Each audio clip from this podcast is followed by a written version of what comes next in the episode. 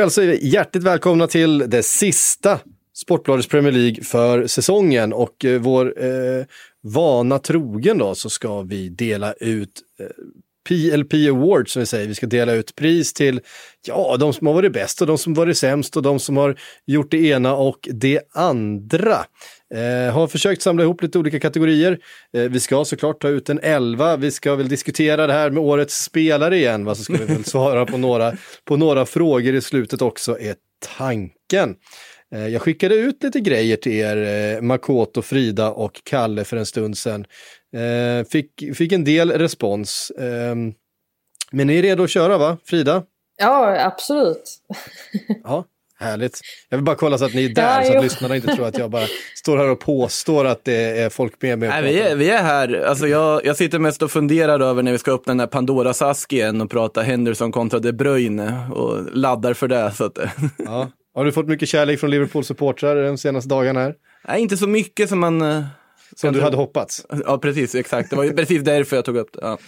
Ja. Um, yes, men äh, det är väl inte så jättemycket att hålla på. Uh, jag tänker att vi skulle liksom rivstarta lite grann med att faktiskt börja med att ta ut årets elva från den här säsongen. Det är svårt eftersom det har varit en så otroligt lång säsong rent tidsmässigt. Det kan vara problematiskt kanske att väga in saker som hände i september 2019 eh, och jämföra det med saker som händer i juli 2020. Men vi får försöka. Och så får vi väl resonera oss fram till eh, hur vi motiverar. Eh, och när man tar ut en 11 så börjar man bakifrån. Ja, det gör man. Ja. Eh, och då är det helt enkelt målvakt. Kalle, du får, du får vara först ut då att eh, föreslå en målvakt till säsongens lag.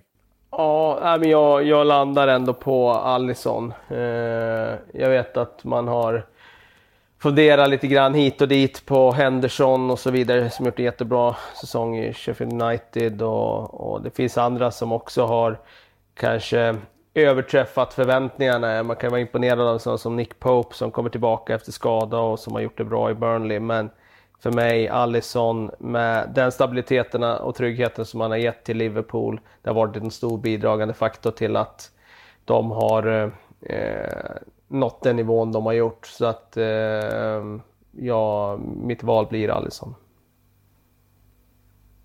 Ja, Frida Makoto, håller ni med? Ja, svårt att mm. säga emot um, egentligen. Um, jag tycker faktiskt det har varit rätt svårt eller rätt svårt, men eh, det är rätt så många målvakter som har alltså under, alltså dels underpresterat. Jag tänker då på de Gea till exempel och Kepa inte minst. Eh, men också målvakter som lite oväntat har klivit fram och gjort bra säsonger. Som, ja men först hade vi ju, det var ju inte så oväntat, men att Leno gjorde en väldigt bra säsong för Arsenal.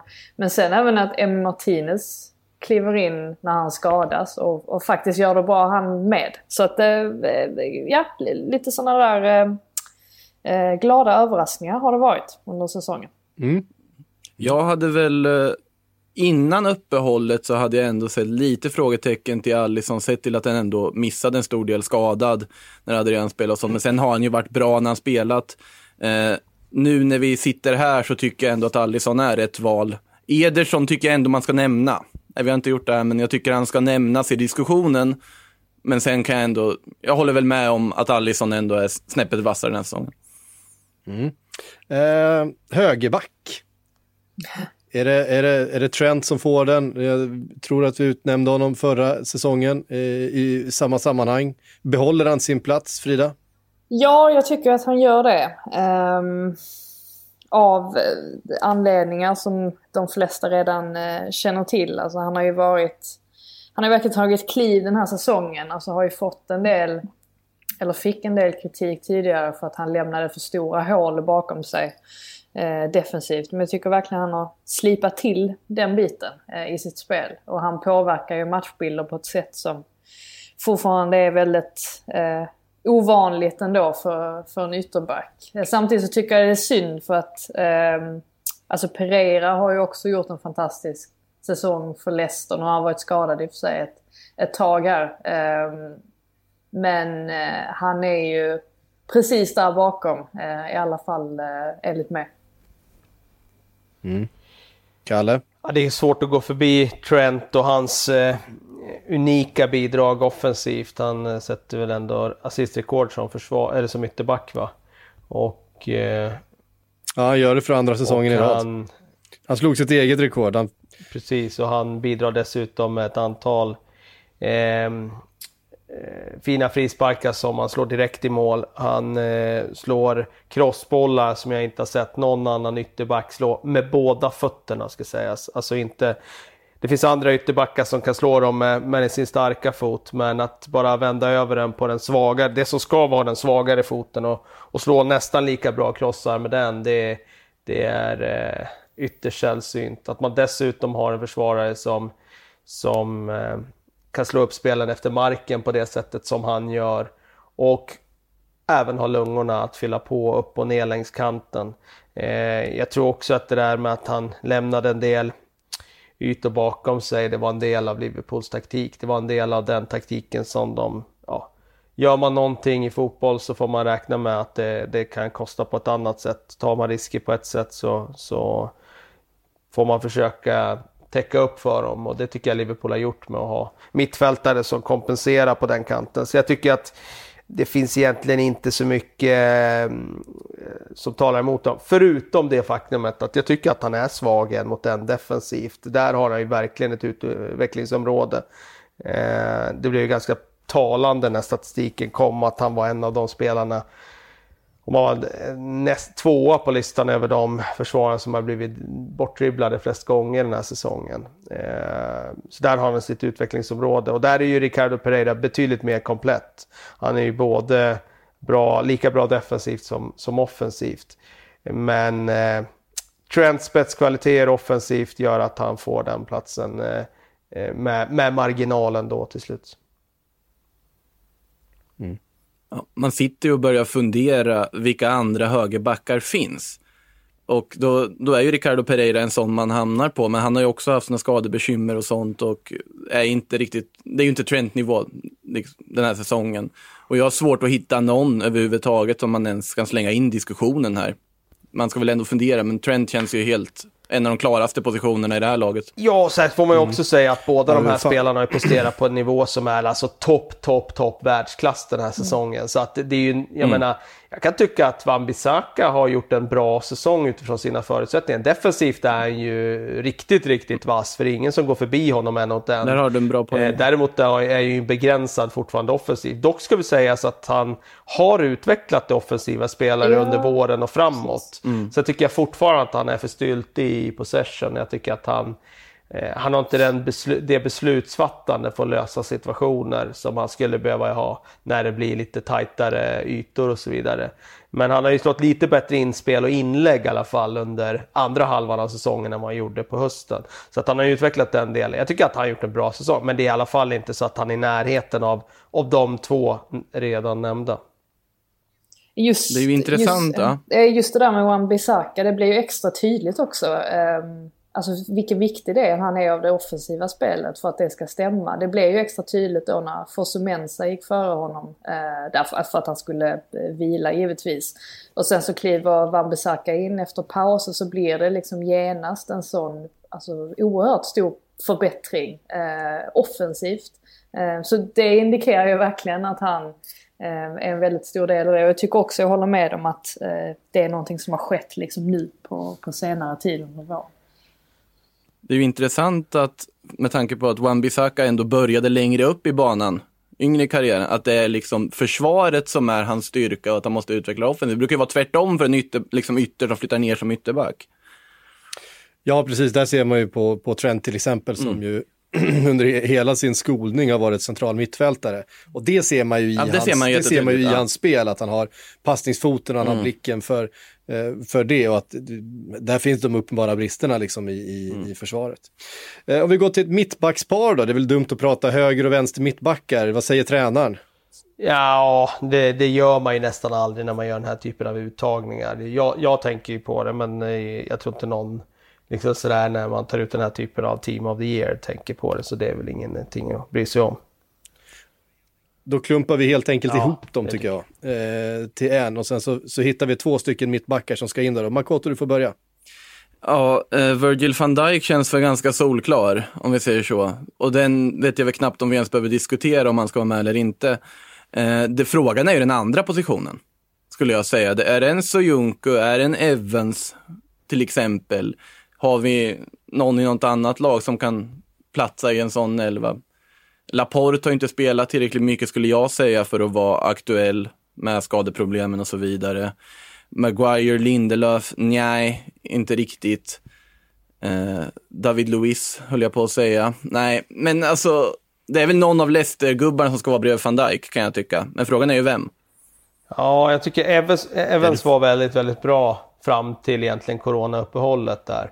Eh, han har haft tuffare efter det och det är klart man kan ju bli lidande också av att laget inte presterar. Deras form har ju inte varit jättebra efter efter eh, uppehållet och han har lidit av att de har haft massa skador och så vidare. Men eh, i min värld så var han i mitt lag fram till uppehållet. Eh, jag är inte säker på att han är där nu när vi slår ihop 38 omgångar. Mm. Nej, alltså jag vill ju väldigt gärna få in någon av Sheffield Uniteds. Nu vet jag ju alltså att det har sett ut som det har sett ut sen samtidigt så. Och att det är svårt att få in den här spelaren just eftersom de spelar i ett väldigt speciellt system. Eh, men jag tycker det har blivit tydligt att O'Connell eh, har varit väldigt, väldigt viktig för Sheffield Uniteds defensiva spel. Eh, och offensiva mm. också för den delen. Under hela säsongen. Det var ju när han kom tillbaka egentligen från sin skada nu efter uppehållet som det började vända lite för, för, eh, för United igen. Så att det är konstigt att välja honom kanske eftersom att som sagt de spelar i sin trebackslinje på väldigt speciellt system. Men eh, jag skulle nog ändå vilja lyfta in honom där. Ja, jag protesterar inte. Alltså, nej inte jag heller. Jag tycker det är en intressant tanke med tanke på att Sheffield innan så var ju den här backlinjen ihopklumpad lite. Man tänkte att ja, det är ett kollektiv som funkar väldigt bra. Nu efter uppehållet så är det just när O'Connell var borta så märker man oj, det var någon som saknades. Han kommer tillbaka, det ser mycket bättre ut och då fick man plötsligt någon sorts namn på det här försvaret, någon gestalt som man tydligen, ja men den här kanske sticker ut över de andra i den backlinjen. Så att O'Connell tycker jag är ett jätteintressant val.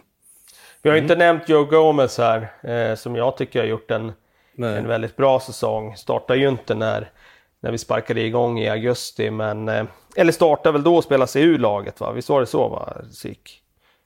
Ja, mm, precis. Han var ju lite skakig då för då hittade de in ganska lätt bakom deras backlinje där första omgångarna. Eh, sen har han ju eh, eh, ja, tagit den där platsen bredvid van Dijk och varit väldigt bra. Han passar ju väldigt bra med Liverpools spelsätt. Sen finns det väl lite barnsjukdomar kvar hos honom kan jag tycka. Eh, så det är inget klockrent alternativ, men jag tycker han har gjort en, en bra säsong. Han ska nämnas där. Mm. Eh, kommer vi fram till något? Ja, vi...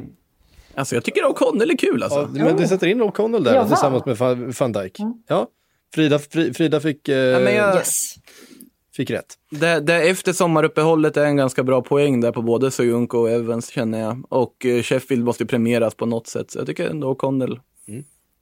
måste våga lite. Ja, exakt. Med, med tanke på den säsongen som Sheffield United har gjort då, mm. att de kanske inte kommer få med så många andra spelare på en sån här, då är det ju någon av, någon av mittbackarna som ska med. Det är ju en sån viktig del av deras, deras spel. Ja, Sir John Lundström hade varit med om han hade fått spela vidare, kan jag tänka mig ändå på mittfältet där.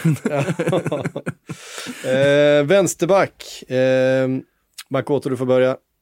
Eh, ja, här hamnar jag väl lite i samma diskussion som vi gjorde på högerbacken, att det är väl svårt att se förbi Andy Robertson.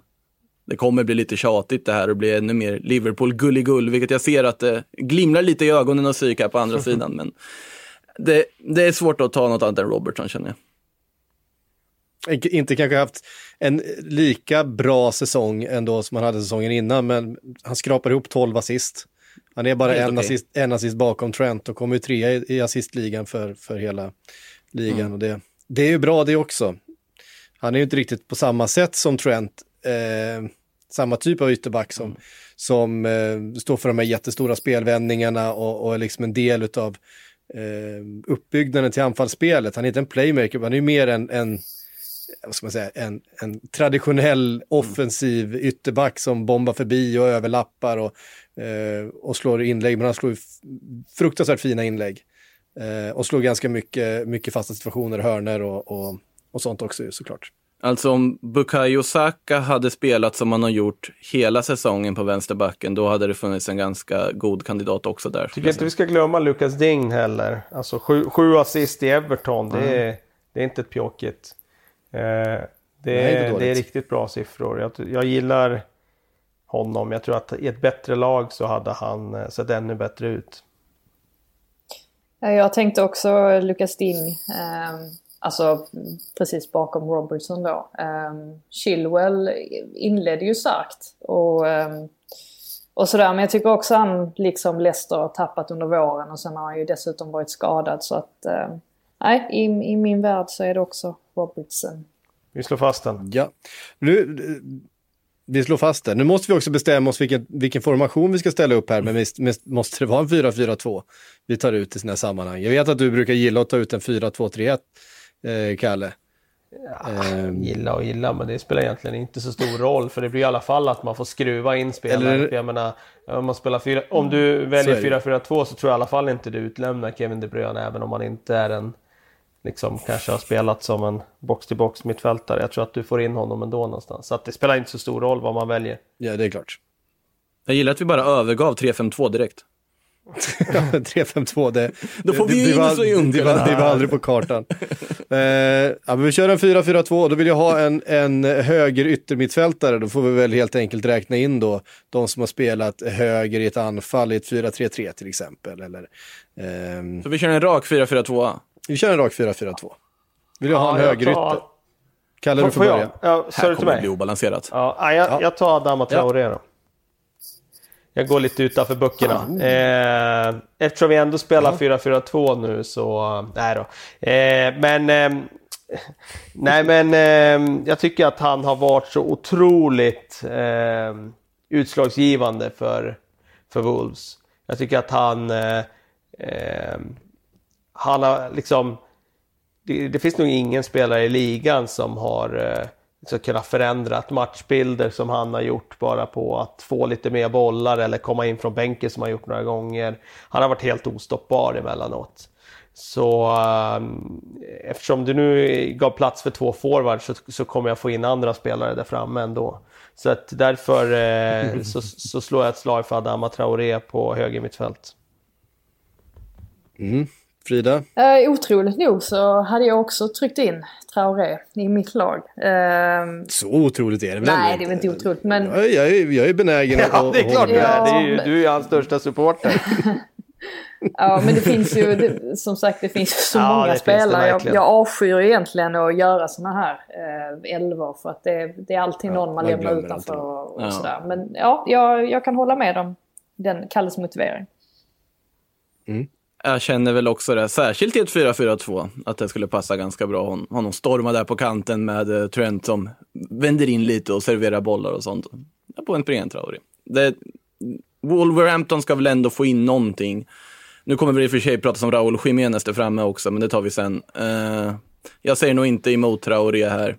Inte för att det hade spelat någon roll när tre stycken redan har sagt att Traoré borde Man ska in. komma ihåg här också, hans poängskörd är ju blygsam om vi jämför. Han har gjort fyra mål och nio assist jämfört med då Ria Mahrez som har gjort 11 mål och nio assist. Och det är klart att man då kan argumentera för att Mahrez har varit bättre. Då ska man då komma ihåg att Wolves spelar ju 5-3-2 vilket innebär att eh, Adama Traoré utgår ju från en position betydligt längre ner i plan. Det är svårare att göra poängen som wingbacken som ytter.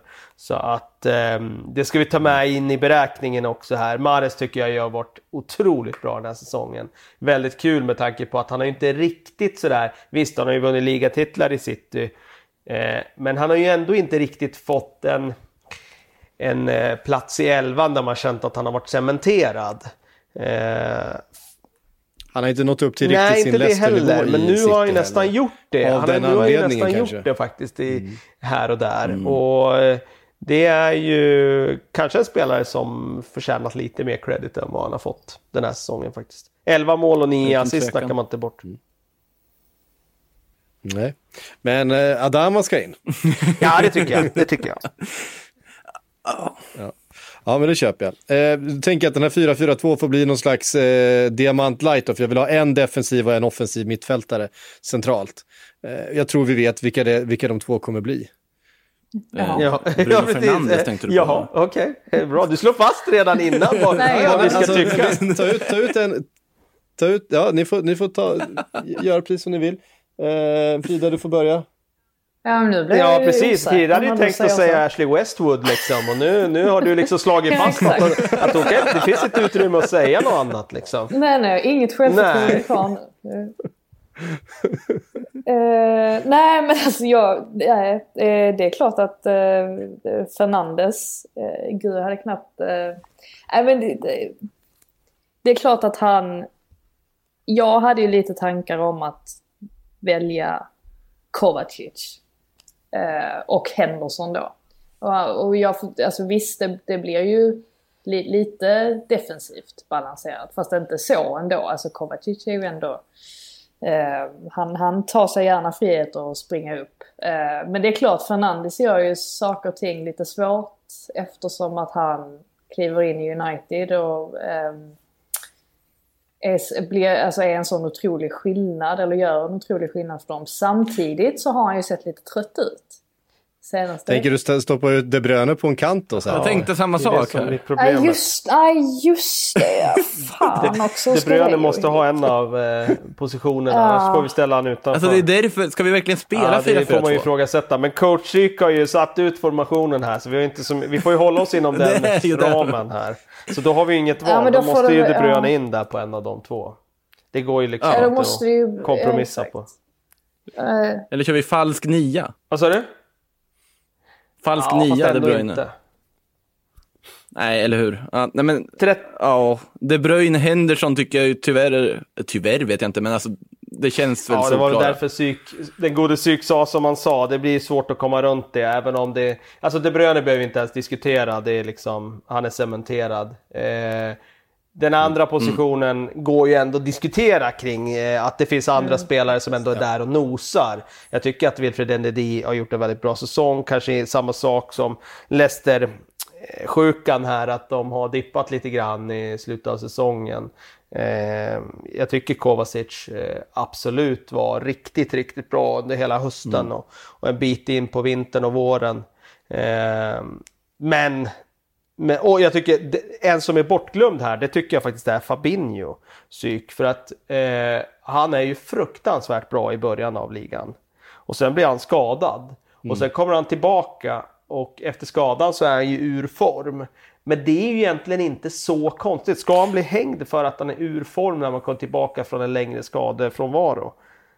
Nej, jag tror, jag tror att han, han, missgyn, eller han, han lider lite av att Henderson kliver ner på hans position och är i stort sett lika bra. Han är nästan bättre under de där, eh, Ja. eh, matcherna där, där, han, där han kliver ner. De har tio raka matcher utan att släppa in ett enda mål och, och Henderson är i stort sett man of the match eh, match efter match liksom under den här perioden. När Liverpool spikar igen verkligen, inte vinner några sådana här jättesegrar. Det är ganska mycket 1-0 och 2-0 och sådär. Eh, och, och Henderson verkligen är den som tar tag i, i, eh, i det här laget, i den rollen som man då inte har spelat under hela säsongen fram till dess. Så det tror jag blir lite, li, alltså Fabinho blir lite lidande av det, för då blir liksom fokusen väldigt mycket på Henderson. Eh, och sen när han då kommer tillbaks så, så eh, skadar sig ju också Henderson i det skedet så att han får ganska snabbt komma tillbaks och ska liksom starta i sin position eh, efter skadan och är då, då ser man en sån så betydlig drop-off i, i eh, kvalitet på positionen. Är Jag håller med, han var väldigt, väldigt bra under, under hösten. Sen är det ju så att eh, den här PLP-11, det är ju ingen välgörenhet vi sysslar med liksom. Så att eh, tyvärr Fabinho, du, du var skadad, du var ur form. Tyvärr räcker det inte även om du hade kanske liksom haft en plats om man hade fått vara frisk och Nej, hel. så är det ju. Det är inte, jag argumenterar inte för att han ska in i elvan. Som jag säger, de platserna är ju rätt cementerade. Det är ju Henderson och De Bruyne. Jag säger bara att Fabinho, tycker jag, blev lite för hårt dömd av att han var ur form i några matcher efter sin skada. Då glömde man plötsligt bort hur bra han var eh, i början av ligaspelet. Eh, då var det ju faktiskt han som alla pekade på var Liverpools kanske viktigaste spelare då i starten av säsongen. Och det var som helt bortglömt då. Jag tycker att han har varit eh, liksom, eh, när han väl hade skakat av sig den där lilla formsaken så tycker jag att han kommit in och gjort det bra här under av de här slutklämmen. Men då har det ju liksom inte varit matcher som har spelats med kniven mot strupen. Så då har det liksom inte, det går inte att bedöma de matcherna på det sättet. Jag tror hade det varit liksom varit att det hade hängt på de matcherna, då tror jag att han hade varit eh, ännu bättre. Men strunt samma i det. Henderson, De Bruyne, det är svårt att komma runt. Lo Celso borde väl ändå nämnas om han hade fått liksom kommit igång snabbare och fått spela som han har gjort i slutet också. Nu, som sagt, han ska inte in och peta någon av dem, men bara nämna namnet, att han ändå får vara med i diskussionen tycker jag. Ehm, yes, och så ska vi ha någon på vänsterkanten också. Där finns det några att välja på. Uh, som har sett pigga ut under uh, säsongen. Ehm, uh, tyckte Raheem Sterling hade en väldigt, väldigt bra period. Gjorde väldigt mycket, har också gått lite upp och ner under, under säsongen. Um, men ändå kan vara, kan vara värd att, att, att nämna. Um, Ja, vad har vi mer? Man skulle kunna stoppa in en mané till vänster. Det är väl där han hamnar, eller? eh, Om man ska I det här laget. Ja. Kanske svårt att se förbi Mané om man vill sätta honom där. Vad säger du, Makoto? Jag tänker Sadio Mané. Eh, nu, är, nu har vi ju den här formationen, sätter oss i ett läge här där vi kanske får ha en liten riskabel vänsterkant. Eh, Sterling tycker jag är så svårbedömd på att han har ju en sån otroligt hög högsta nivå väl när han har liksom varit igång under säsongen. Jag tycker han är en av ligans bästa spelare när han är som bäst, utan tvekan. Eh, om han hade haft det momentumet hela säsongen, inte haft den här ganska tuffa, ja det var väl liksom vintern precis innan uppehållet som han, han inte riktigt såg lika pigg ut. Eh, och sen är det ju faktiskt så att titeln ändå spelar in, tycker jag. Att Ja, jag säger Sadio Mané på den positionen, men jag förstår om man kan argumentera för en annan. Säg en Heung-Min Son, ska vi inte glömma bort helt och hållet. Frida? Eh, nej men visst ska man in med Sadio Mané. Eller man ska ju in med Sadio Mané så då får det väl bli där. Eh, annars så hade jag väl tankar också om Aubameyang. Som ju visserligen såklart kan spela striker men han har ju faktiskt spelat som ytter större delen av säsongen och särskilt under Arteta också. Och då kanske man hade kunnat trycka in honom där. Alltså jag tycker ska man välja på tal om liksom Saka igen och sånt. Ska man välja någon av dem så får det väl ändå bli Aubameyang. Eftersom att han har varit Arsenals bästa spelare totalt sett över, över hela säsongen. Men eh, nej, absolut. Alltså Mané måste ju såklart in någonstans. Det är inte välgörenhet det här så därför skickar jag också in Mané. Eh, det, Aubameyang absolut gjort en bra säsong. Men eh, Mané har ju både förmågan att göra poäng, 18 plus 7 har han gjort den här säsongen. Plus att vara den där spelaren som öppnar försvar med, med att gå förbi sin spelare. Eh, och jag tycker just om man slår ihop helheten så, så är det svårt att komma runt honom. Eh, Sterling hade ju såklart en jättehög högsta nivå i starten av ligan där. Ja, då diskuterades ju om han också skulle ta det där klivet upp bland de allra bästa i Europa. Men hans för långa formsvacka när han faktiskt också spelade under den perioden och var mållös under rätt många veckor. Eh, den eh, gör att jag ratar honom där. Eh, så att för mig blir det Mané till vänster. Det får mig att fundera över vad vi gör med eh, Mo Salah. För han hade ju kunnat ta den här Adama Traoré-platsen till höger, om man inte ska vara på topp. Ja, det får vi väl se. Vi har två, två eh, anfallspositioner kvar då. Ehm, att, eh, att fylla. Jag tänker så här. Eh, svårt att se förbi den som har gjort flest mål va? Det är ju det. Jamie Vardy. Ja, beror på vem du frågar. Kan du göra det Ja, Kalle? frågar du mig? Ja, jag, jag kan se förbi den som Ja. har gjort flest mål. Eh, jag har inget problem att göra det. Väljer du att göra Ja. det? Jag gör det. Eh, Ja. Då, vilka vilka, vilka ja, två jag vill du ha in? Mohamed Salah Eh, och jag vill ha Aubameyang där. Eh, Ja. Mohamed Salah för att jag tycker att han är så bra. Eh, och ehm, eh, att hans hela bidrag blir så mycket mer än att han gör 19 mål. Alltså, det är just den där förmågan att kombinera sig förbi, slå sin gubbe en mot en, alltid hota. Man ser ju nu hur mycket uppvaktning Eh, han får efter sin superdebutsäsong. Eh, den typen av spelare gör ju att andra spelare i Liverpool får mer utrymme. Så att slår man ihop alltihopa och värdet av att ha honom på plan så, så för mig eh, ska han vara med i en sån elva framför en Jamie Vardy. När det gäller Aubameyang så, så gör ju han en jättestark säsong. Han gör 22 mål i ett Arsenal som så slutar en bra bit ner i tabellen. Det är klart att det är väldigt imponerande. Eh, så för mig 22 mål där kontra Jamie Vardy 23 mål. Det är inte så stor skillnad. Alltså det är därför jag menar att jag kan utan liksom, problem mm. rata någon som, som gör flest mål. Alltså, visst, om man hade gjort åtta mål mer än alla andra, då är det skillnad. Men ett mål hit eller dit är för mig ingen skillnad så. Mm. Frida? Ja, nej, jag är övertygad. Eh, jag håller med eh, Kalle faktiskt. Jag blir glad också att jag får in Aubameyang där eh, till slut. Mm. Sen eh, är väl Jiménez en sån som man har liksom, mm. Eh, mm. ja, som har betytt väldigt mycket för Wolves eh, under hela säsongen. Men eh, jag kan absolut köpa att det blir Salah och Aubameyang. Mm. Ja, vad oh. kvar? Ja, alltså det står ju mellan Salah, nu när Adama Traoré fick högerplatsen ska tilläggas, eh, Aubameyang och Vardy. Och Jiménez. Och jag tycker det är... Ja, och Jiménez, men jag tycker ändå att de tre som jag nämnde, i alla fall i min bok, är liksom före. Sen kanske laget hade funkat bättre om vi hade haft en target i Jiménez och kunnat dra lite långt på också, men och inte alla som bara går i djupet. Men, oh, då är jag lite djävulens advokat och säger så här, är vi för hårda mot Danny Ings? 22 mål i SA-15 under halvan. Eh, alltså... I alla fall om man använder argumentet att Aubameyangs 22 mål i Arsenal ska väga tyngre än Vardys 23. Ja, precis. Jiménez på 17 mål, det är ändå, då börjar det bli liksom en liten bit Alltså man ska...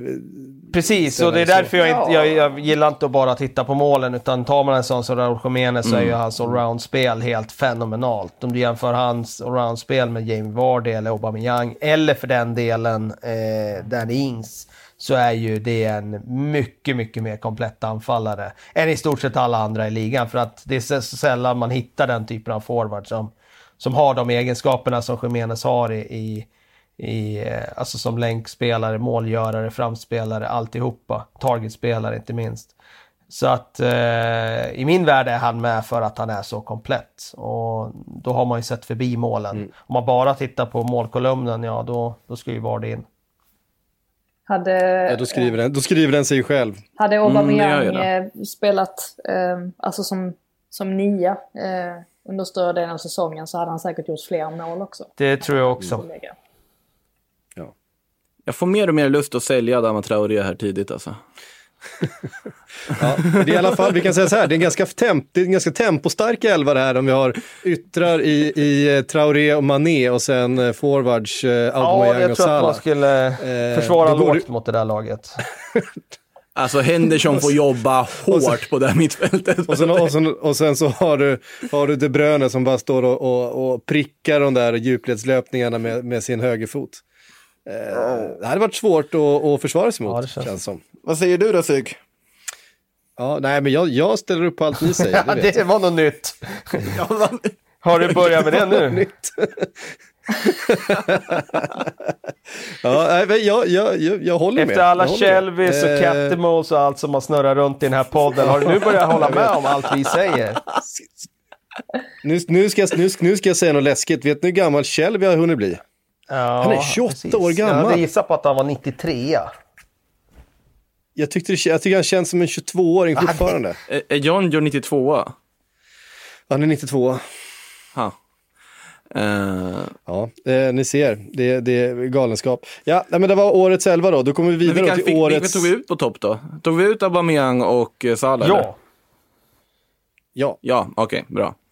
Eh, årets spelare, och nu, nu pratar vi inte om vem Football Writers Association tycker är årets spelare. Utan eh, nu ska ju vi själva utse årets Vi som är spelare. football jag, writers. Jag övermer, över, Vi som själva är det. ja, precis, men inte, vi, vi är fotbollsskribenter på svenska. Eh, jag, jag överger min, min röst i det här för, som programledare. Så jag tänker också att det ska vara ett udda tal. Och du, Eh, Så du får ni- kastar mig Nej, under bussen nu? Du håller ju ändå det- med om allt vi säger. Ja, så precis att det gör. Jag håller med om allt ni säger, så att nu ska vi få utse årets spelare. Men vi pratade om det förra gången, så jag vet ju, jag vet ju hur det här kommer bli. Eh, men jag, jag, jag lever med det. Nej, Jag, jag känner liksom, nu, nu förstår jag hur eh, Caesar kände sig där när Brutus kom med kniven. Alltså det, nu, nu sitter jag här i min Nu är det båt bara i själv. land, Marco. en- det blir Ja, svårt. Precis. Ah, Ah, det har ju varit hela, hela tiden det här det, eh, snacket om, om eh, Jordan Henderson och eh, De Bruyne och det började ju ganska tidigt på säsongen faktiskt. Ja, fast Ehm, ändå inte. Eftersom de här spekulationerna sätter igång efter halva säsongen typ. Men alltså Henderson Fast var, ju var inte, Henderson var ju inte där lanserad. De, oftast brukar det där komma... Det kanske bara är i mitt flöde som det var. möjligen. Kan vara. Eh, nej men alltså, oftast brukar de första komma där vid november, december, vilket jag tycker ofta är väldigt tidigt. Och i det läget var inte Henderson med i någon snack om det. Nej, då var det ju mycket Raheem Precis, och Sterling så var det De. Bruyne och så var det Mané framförallt. Mané var ju mycket under hösten, för han började ju väldigt starkt. Eh, så att nej, jag skulle inte säga Verkligen. att det var Henderson var med redan där. Utan det är det där, de seglar upp lite efter ett tag de här brittiska spelarna. När eh, de brittiska fotbollsskribenterna har fått liksom sätta fingret på den som de vill hylla. Eh, nu låter jag ju oerhört raljant här. Jag har ju verkligen varit en av dem som har eh, slagit på Henderson-trumman här under den här våren. Jag tycker han har varit helt eh, otrolig och det är en eh, så beundransvärd karriär för hans del. Bara det att han liksom kommer till Liverpool eh, eh, för då rätt stora pengar, lyckas inte direkt under en väldigt destruktiv period i klubbens historia. Klumpades vi ihop också med lite andra spelare.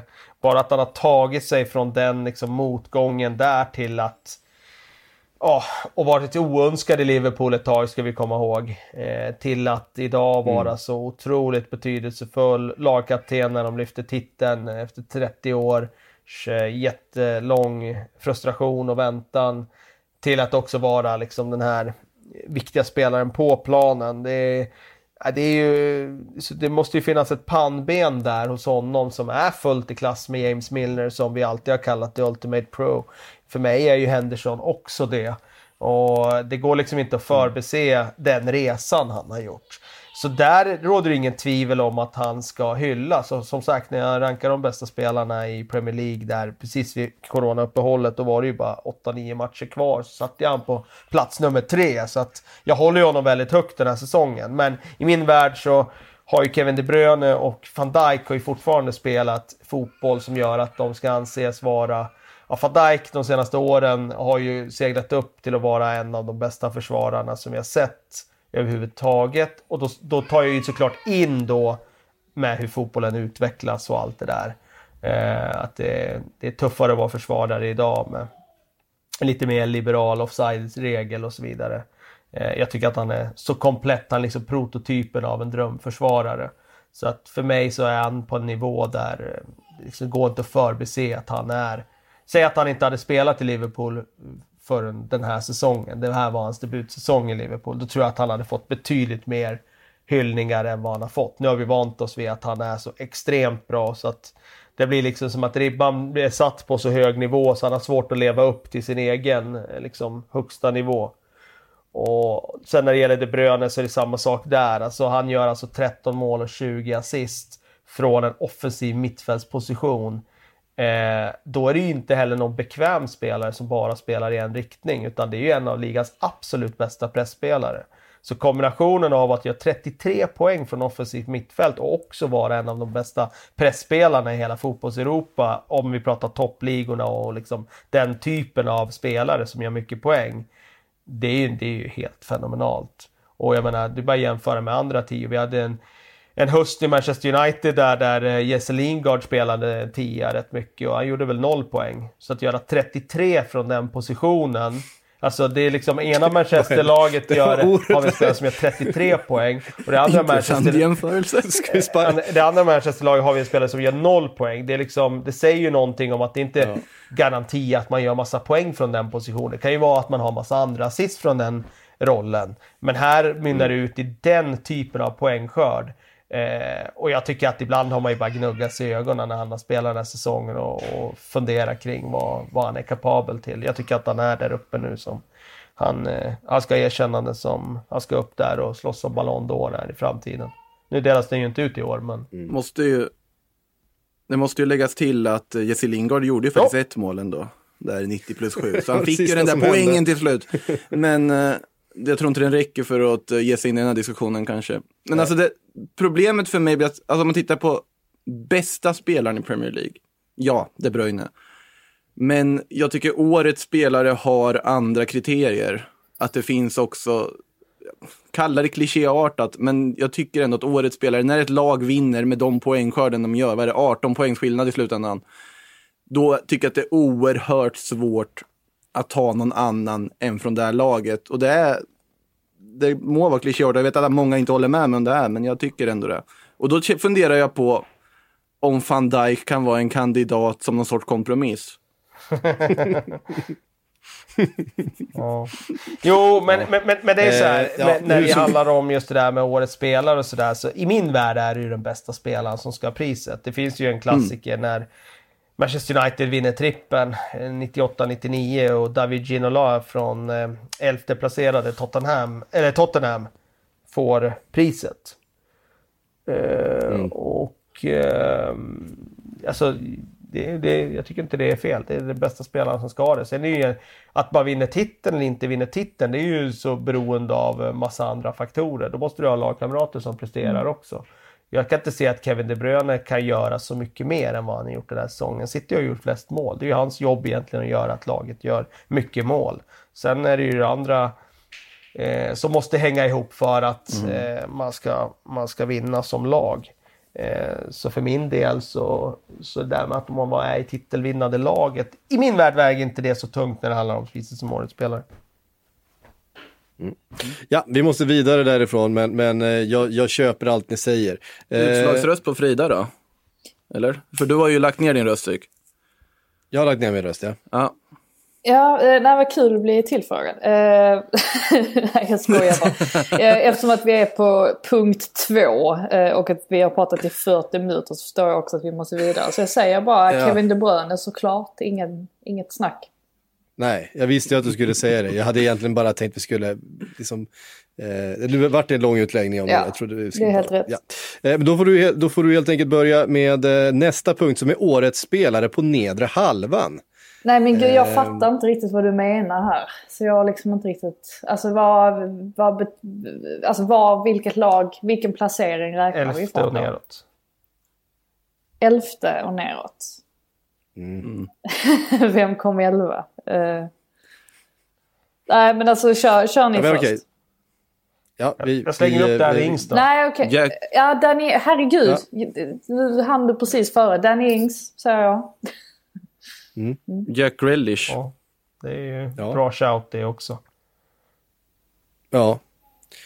Uh, ja. Det känns svårt att se förbi det, det Danny Ings faktiskt har gjort. Ja, så är det också. Sen han kom. Det, det är en otrolig målskörd. Så det, det är liksom, han är ju en måltjuv liksom. Mm. Eh, det är verkligen det. Men han är ju hårt, hårt arbetande och han betyder ju väldigt mycket för det här laget. Eh, och visar ju att eh, men någonstans tycker jag han visar att hade han inte haft de här skadeproblemen i Liverpool så hade han nog kanske haft kvalitet nog att vara en bidragande spelare till det här Klopp-projektet. Sen blev skadorna för många och för långa för att det skulle liksom vara, vara hållbart, att han skulle liksom starta om sin karriär där. Det var ju liksom inte aktuellt. Mm. Men eh, vi visste ju också från, alltså från tiden i Burnley att han kunde göra mycket mål. Eh, det räcker också att kolla gjort. på deras, alltså Southamptons målskillnad för att förstå att han har varit alltså, en betydande del av att de faktiskt har hamnat 11. Med tanke på att de har gjort 51 mm. mål framåt och släppt in 60 mål. Eh, alltså utan alla hans mål så hade de ju definitivt inte legat där i alla fall.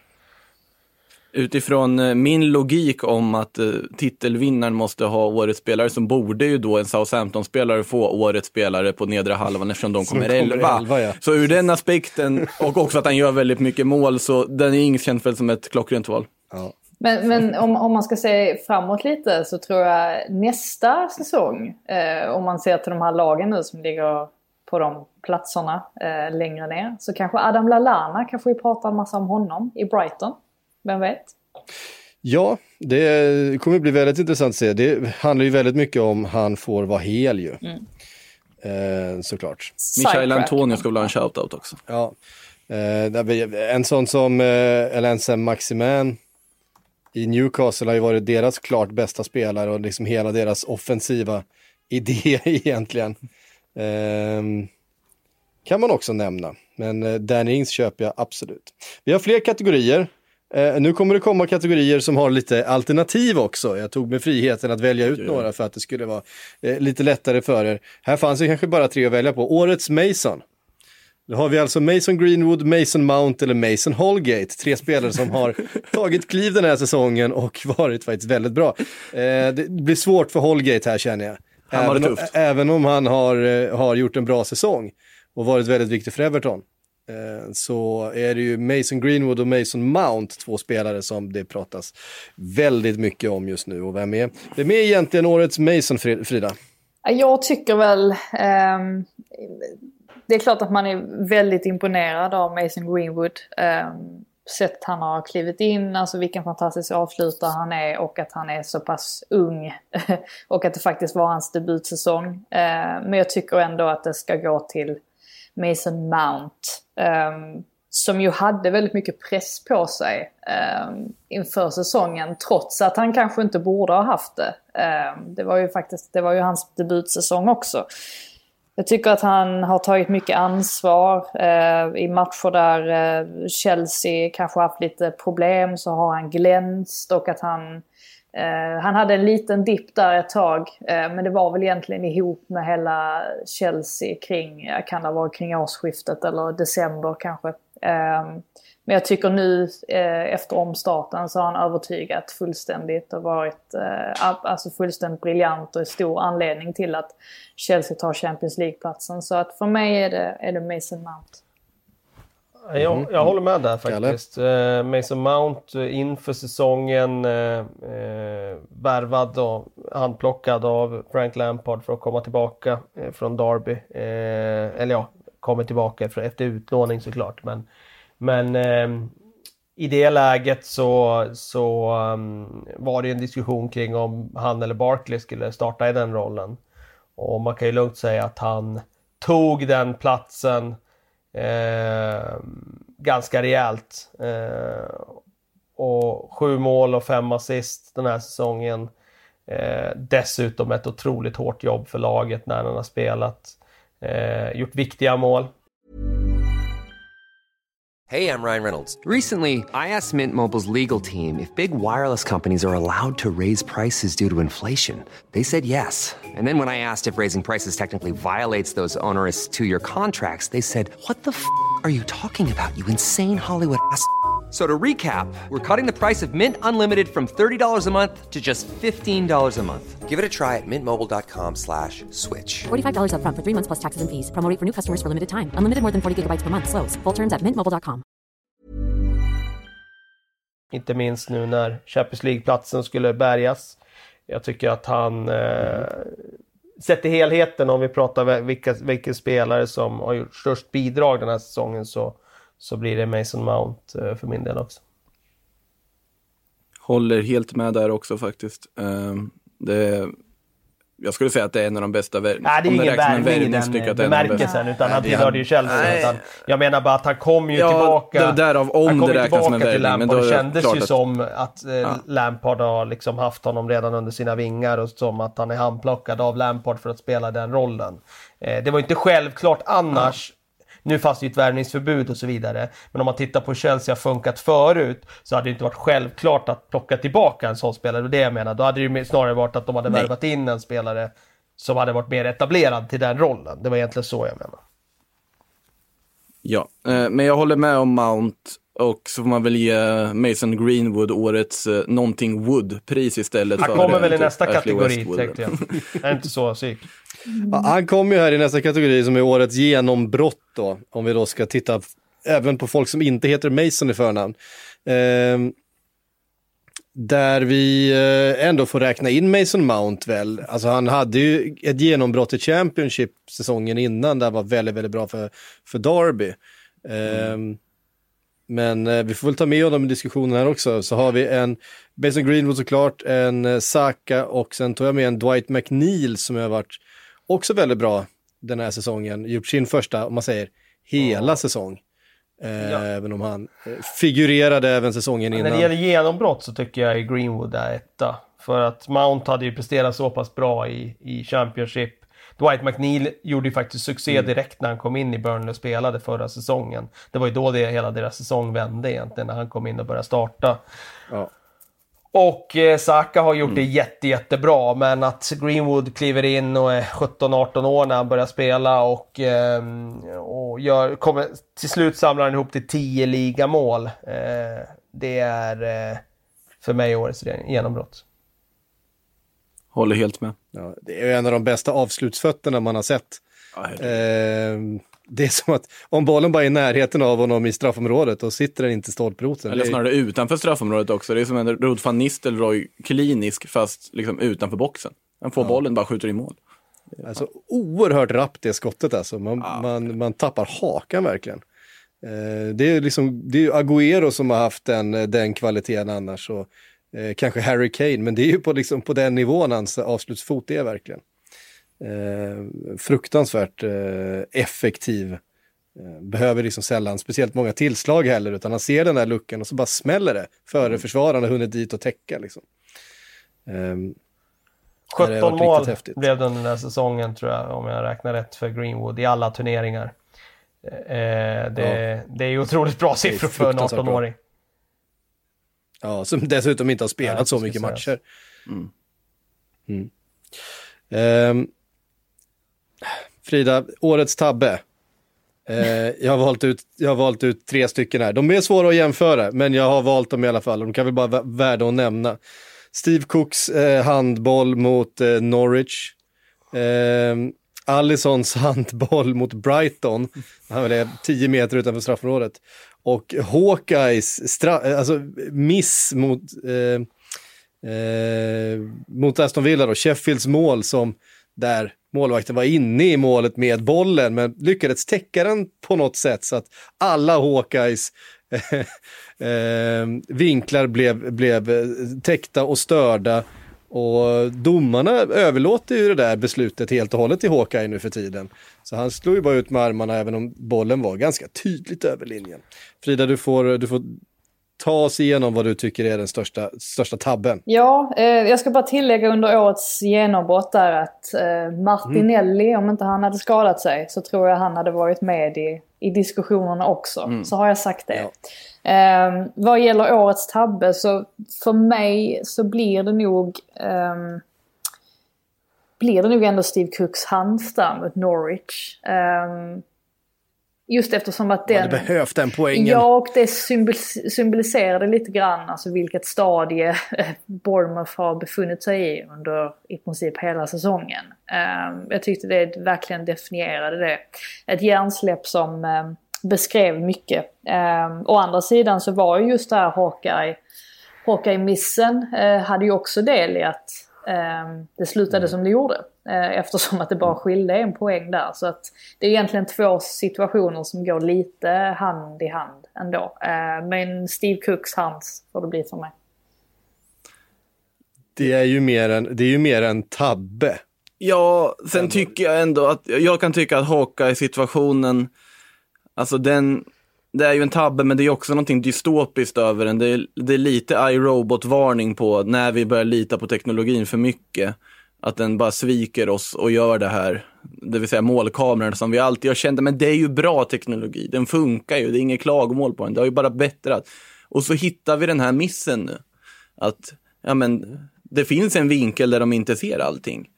Och den, den tabben är på så många nivåer. Den är inte bara på liksom fotbollsplan. Ur den aspekten och den effekten det får att Aston Villa klarar sig före Watford där. Med en poäng. Exakt, så kan jag tycka att den är den största tabben. Om inte det här VAR-fiaskot, eller VAR är det inte, Hawkeye-fiaskot finns någon annanstans i någon annan kategori här. Kalle, om du som tränare hade, om Steve Cook på väg ut från planen, du tränare för Bournemouth, vad är det första du säger till honom eh, efter det där? Nej, jag vet inte, just i det ögonblicket går inte att säga så mycket. Liksom. Det får man ta efteråt. Så, Men, så att eh, jag har nog inte sagt så mycket. Då är det bara att fokusera på det man kan framåt. Man har blivit tio man och man försöker lösa situationen. Så det är klart att det är eh, ett hjärnsläpp från hans del och jag håller med Frida om att det blir väldigt definierande också för deras säsong sådär. Eh, där det liksom, ja men det, det, det, sådana där grejer sker när man är riktigt nere i skiten. Det är ingen slump att inte Liverpool har slängt sig och räddat bollar med händerna sådär, försvarar eget straffområde. Eh, så att, eh, ja, det är för min del jag skriver under på Cook där. Mm. Eh, årets värvning, det här är ju en sån eh, kategori som folk älskar. Eh, Makoto, jag har eh, tre stycken jag har fyra stycken faktiskt eh, eh, nominerade. En är ju en liten kantboll då ska sägas.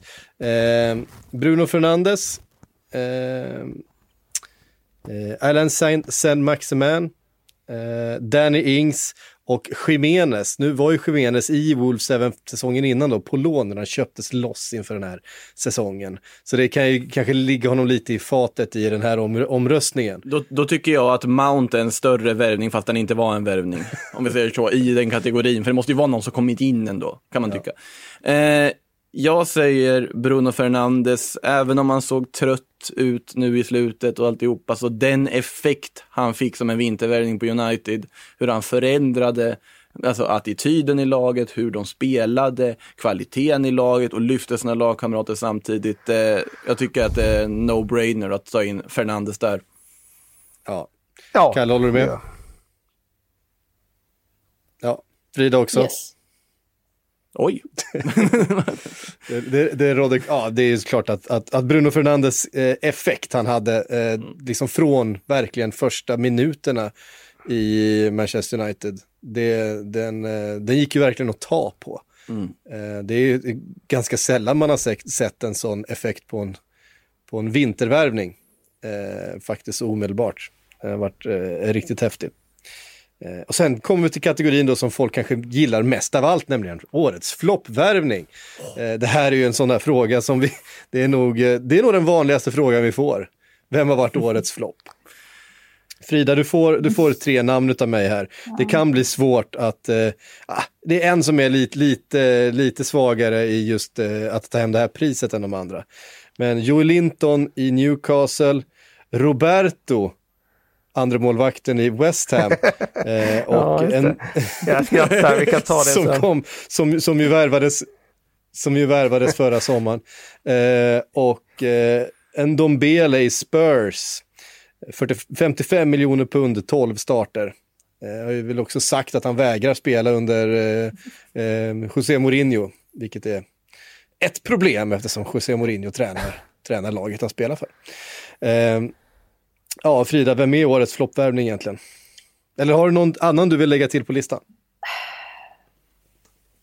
Jag tycker alltid det är, så, det är så himla svårt för att man kan ju se på de här eh, på olika sätt. Alltså det är klart att Joel Linton har ju gett eh, upphov till många hånfulla skratt från människor eftersom att han har varit totalt oförmögen att göra mål. Eh, å andra sidan så har han ju spelat i en position tydligen som han inte är speciellt van vid att spela, eller där han inte är bäst i alla fall.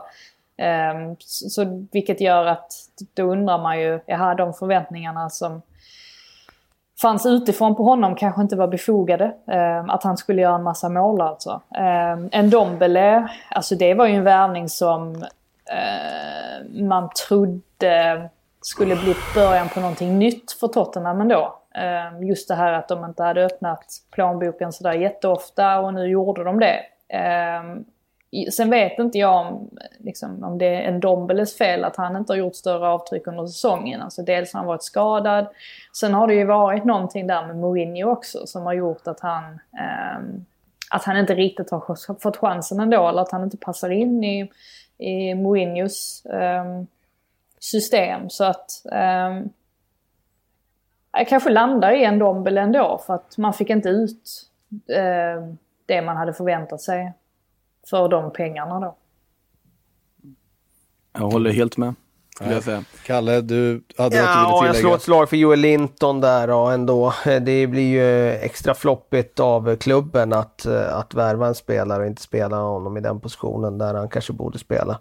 Eh, då har man kanske inte scoutat på rätt sätt. Eh, med det sagt så så två mål för 40 miljoner pund för en offensiv spelare, det, det är alldeles för, för dålig payback. Så att jag, jag slår ett slag för Joel Linton, men jag kommer inte protestera mot det andra valet där. Om ni röstar för det så, så skriver jag under på det också. Jag hade stora förväntningar på en Dombele. Eh, och jag är väldigt besviken över att eh, det inte har blivit mer eh, än 12 starter och, och mer eh, än de prestationer vi har sett hittills. Alltså, han började ja, ju rätt precis. Eh, Gjorde någon riktigt matchavgörande insats där i början. Gjorde något fint mål där han curlade in den första hörnan vill jag minnas. Men... Eh, Ingen, det är ingen som vill ge, ge det här till Roberto. Ja, vi kan ju prata om honom då. För att eh, det är inte så ofta alltså, en andra keeper han, nämns i det här sammanhanget. Om man värvar en andra keeper så är det ju första alltså, han, han ska så slå inlägg på, på uppvärmningen egentligen. Men just i det här fallet så får man ja. ju säga att han nästan var komiskt dålig under en period där det, det var ju ironiskt ändå att Adrian lämnar West mm. Ham eh, för att han inte har fått chansen på typ 100 år. Eh, och, och, sen så blir det som det blir och dessutom får han liksom vakta målet för Liverpool. Ja, det var speciellt. Sebastian Haller ska väl in kanske också. Man funderar lite, men jag tycker ändå inte att det är på samma nivå som... Alltså en Dombele var ju... Där finns också i och för sig en viss... Eh vad ska man säga, jag vet inte vad man ska kalla det, men att han kan ju fortfarande säljas vidare. Du kan ju visa en lyckad värvning om du lurar Barcelona till att betala pengar och skicka spelare för honom eller någonting som det pratas lite om nu i sommar.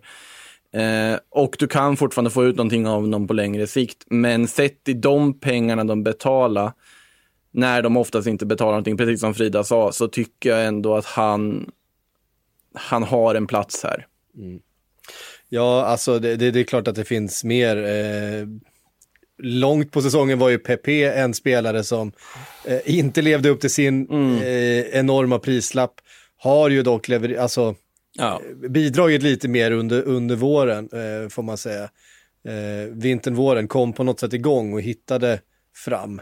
Eh, I alla fall till viss del. Det är ju långt ifrån en succévärvning men, eh, så här långt. Men... men om man jämför med Joel Linton och Ndombele så känner jag att Ndombele har ändå suttit och plockat lön utan att spela ganska mycket.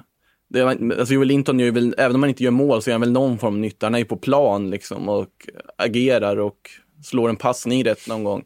Så Ndombele sitter, har ju mest suttit på bänk. Ja. Och det påverkar också. Ja, där har ni det. Eh, Ndombele. Eh, sen hade jag en kategori här som du inte gillade, Kalle, Årets VAR. Årets VAR-misstag. För att det här var ju första säsongen vi hade VAR i Premier League och det har vi inte pratat så mycket om. Vi har pratat mycket, mycket uppehåll och mycket corona och det har varit väldigt mycket, man har nästan glömt bort att det här är den första säsongen med VAR. Eh, och det har funnits många barnsjukdomar. Jag valde ut tre stycken situationer, eh, egentligen för att de eh, symboliserar tre olika diskussioner som har rått med VAR. Det ena var då David Silvas, eh, han blev stämplad mot Bournemouth och det blev ingen straff, vilket det var Eh, uppenbart och alla kunde se på tv-bilderna utom de som satt i varummet. Eh, det andra var Lucas Moras obefintliga handboll mot Sheffield United som tydligen kunde ses då från, från varummet eh, var avgörande. Eh, och den tredje var Firminos armhåla som var en av de här millimeter offsiden som då aldrig skulle ha upptäckts. Men ja, kanske skulle ha blivit offside i vissa situationer ändå utan var. Eh, eftersom eh, vissa onside eh, eller onside beslut eh, dömdes fel före VAR och så vidare. Men det är i alla fall tre olika situationer eh, som på något sätt får symbolera symbolisera de problem som har funnits med VAR och den frustration som har funnits med VAR. Den här eh, eh, Lukas Mora-handbollen som inte var så länge sedan. Eh, den tog ju också dessutom extremt lång tid för dem att reda ut om bollen hade liksom snuddat vid handen. Eh, Ja, så jag, jag känner ju här att jag vill inte öppna handsdiskussionen igen som Frida och jag har haft här under sommaren en gång. Eh, jag tycker att om man tittar på liksom principerna som ligger bakom besluten, så det beslutet som för mig blir mest själadödande är ändå Firminos armhåla. Alltså för att de här millimeter offside, vad hände med i linje? Alltså klassiska, han är i linje, då är han fri, eller fria hellre än fälla. Det har försvunnit med att du håller på med någon sorts millimetergranskning av saker och ting av typ armhålor.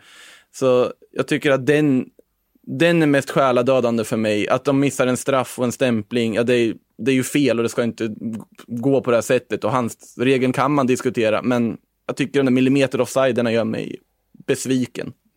Frida, det är väl också den, den typen av bedömningar och just den diskussionen som har varit den mest framträdande i England också, om, om vars vara eller inte vara.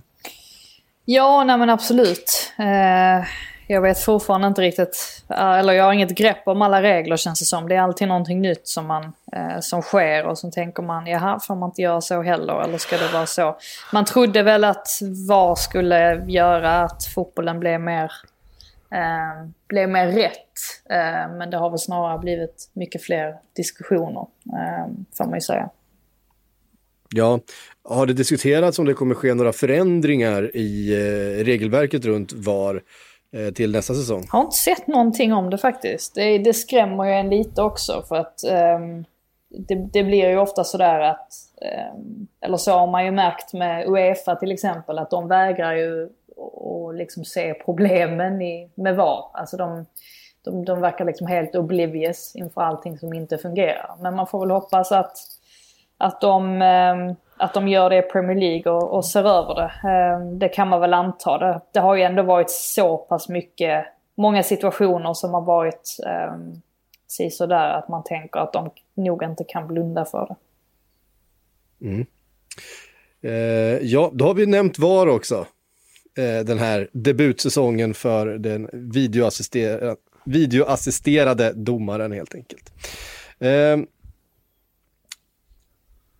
nästa eh, kategori då är årets gamling, eller säsongens gamling.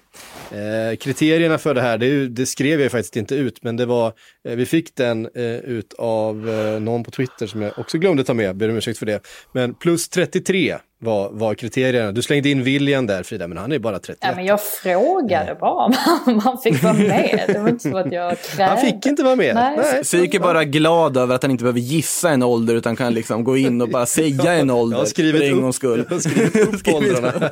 Du hade gissat fel annars. Ja, nej men eh, det, eh, Jamie Vardy, James Milner, eh, Fabianski och Giroud är de fyra namnen som hamnade på listan till slut.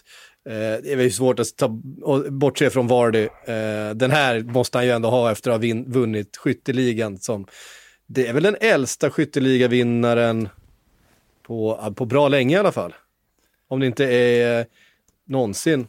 Eller nu är det väl så, såklart en sån här i Premier League då sen 92. Ehm, tror jag.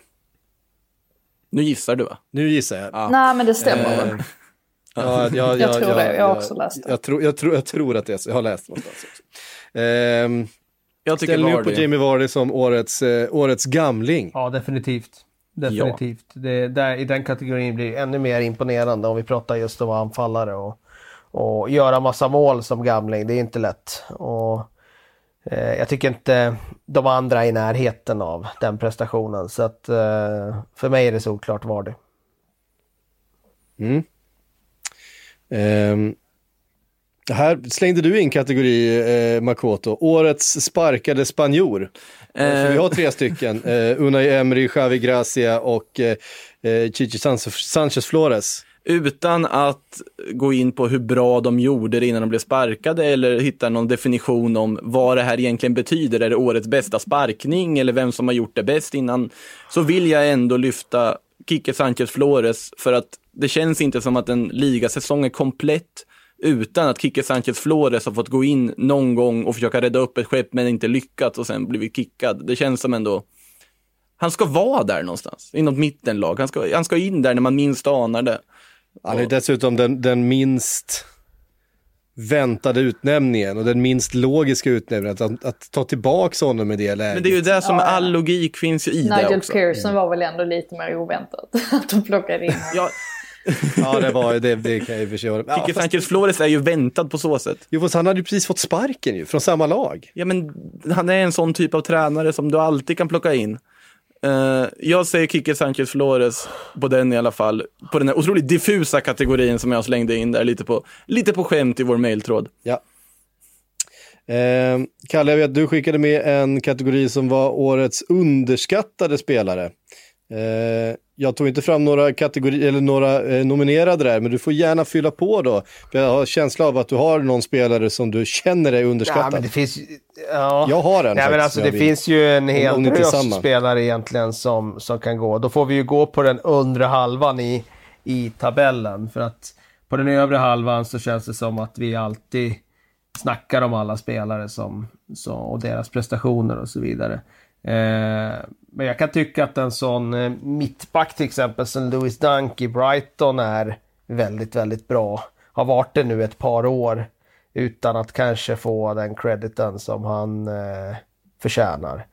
Eh, så jag, jag slänger in honom. Jag skulle kunna slänga in också då i eh, Southampton. Höjbjerg tycker jag har gjort en bra säsong. Ehm, det är också en sån där spelare som, eh, som kanske har gått lite under radarn för många. Man kan ju faktiskt slänga in Ding där också. Eh, just för att man glömmer bort honom ofta när man ska prata om, om de bästa ytterbackarna och sådär. Just det. Willy Bolli vill jag slänga in. Ute, det har vi pratat om också under sommaren här någon gång också, men det är ju mycket Connor Cody-snack i, när det kommer till Wolves försvar. Och Willy Bolli har varit superviktig där också, och tagit nya kliv. Som, det är ett alternativ också. Mm. Ehm, jag har faktiskt en från, från, uh från toppen som jag vill slänga in. Jag tycker att Anthony Martial är lite underskattad faktiskt. Jag tycker han får ganska mycket skit och han har hela tiden sett som ja, inte tillräckligt bra, som en spelare som misslyckas lite grann. Han har ändå gjort 17 plus 7 Utan den här straffar ska säsongen. sägas. Fast där, Ja, utan att Ja, slå säg en att han enda hade straff. slagit fem, sex Eh, straffar, och det- då hade han varit uppe och hotat om att vinna skytteligan. fast är inte alla medvetna om hur bra han är? Ja, Jag tycker inte man får den känslan. Jag tycker att han hamnar väldigt mycket i skuggan av Rashford och, och andra anfallare i topplagen. Men är inte han en sån här spelare som, det kommer inte vara en spelare som lyfter dig när laget går emot. För då har inte han den karaktären för att vara den ledaren på plan och så vidare. Utan då, då, då blir han kanske spelare som hänger med ner i fallet. Alltså jämför med Jordan Henderson-karaktären som kan lyfta dem runt omkring sig. Medan som laget funkar bra, vilket det har gjort här under våren i Uniteds fall, ja men då är han en fenomenal spelare som eh, som dessutom har haft ett ganska bra målfacit här nu också. Så att jag tror att det är det, man, det han faller på. När laget inte funkar bra, då ser han ut att vara en sån här frustrerande spelare som eh, Ja men det, då går det emot. Han ser inte ut att liksom eh, göra de där extra liksom, metrarna för laget. Och även om man kanske gör det egentligen. Men det är i alla fall så det ser ut. Han är väldigt känslokall också. Ja. Vilket gör att eh, om missar Ja, precis. Jag tror det är många sådana saker som gör att han, att han, att han framstår uppfattas som så ja. mindre viktig. Ja, precis. Men han har, man tittar man på, på alla all competitions, alltså alla, så har han ju alltså 33 poäng. Han har 22 mål och 11 assist. Eh, det är ändå en ganska Ja, bra säsong. Men det blev ju ändå rätt tydligt när, när Rashford eh, var skadad. Eh, då blev han ju sämre också. Alltså det blev ganska tydligt att han behöver bra spelare runt sig för att, eh, ja, för att kunna lyfta eh, han också. Precis Sen vill jag slänga in ett par spelare till här i den här kategorin. Eh, jag förstår att det blir väldigt många nominerade här nu, men jag kastar bara upp namn. Alltså en sån som Gary Cahill har ju varit underskattad den här säsongen, för han var ju rätt utskälld. Eh, Mm. liksom, det var ingen solklar värvning att göra för Crystal Palace. De får en rutinerad eh, mittback som definitivt har sett sina bästa år. Men han har ju varit riktigt bra där under Roy. Det är klart, han passar ju med, med den typen av försvarsspel. Men eh, han skulle jag nog slänga in, sett till den här säsongens prestationer, som rätt underskattad. Det finns ju en annan spelare i Crystal Palace som också är det. Det är Jordan Ayew som når upp till nio mål. Det är inte så många som pratar om honom, men nio mål är ändå nio mål i, i Crystal Palace. Hans, hans parhästar framme i, eller liksom i offensiven, Wilfried Zaha har ju bara gjort fyra mål, ska ju sägas. Ja, precis. Um, ja, Wilfried Zaha som ju inte har haft sin bästa säsong i, i Crystal Palace, långt ifrån. Men nu ska han sälja, sägs det ju. Nu vill han lämna. Det har ju inte hänt förut. det såg jag. Ja, frågan är ifall fall eh, tåget har gått för världsspelaren Wilfried Zaha som vi har väntat på ska liksom eh, riva upp himmel och jord i något av eh, storlagen efter floppen i, i Manchester United. Där. Det, det kanske aldrig blir så. Eh, ja, det var många se. namn där, så det kanske blir svårt att enas om något.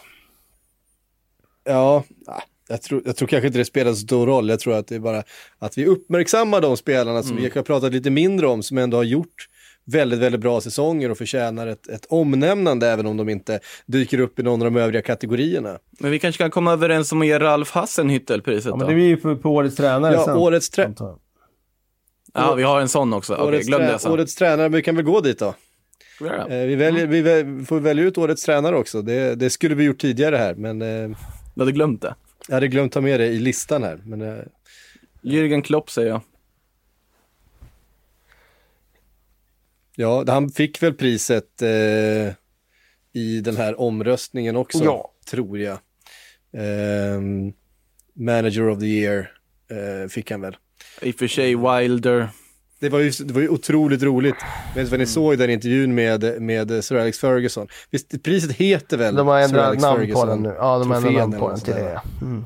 Ja, precis. Och då intervjuar de Alex Ferguson. Han satt i någon fåtölj utomhus där, corona-anpassat.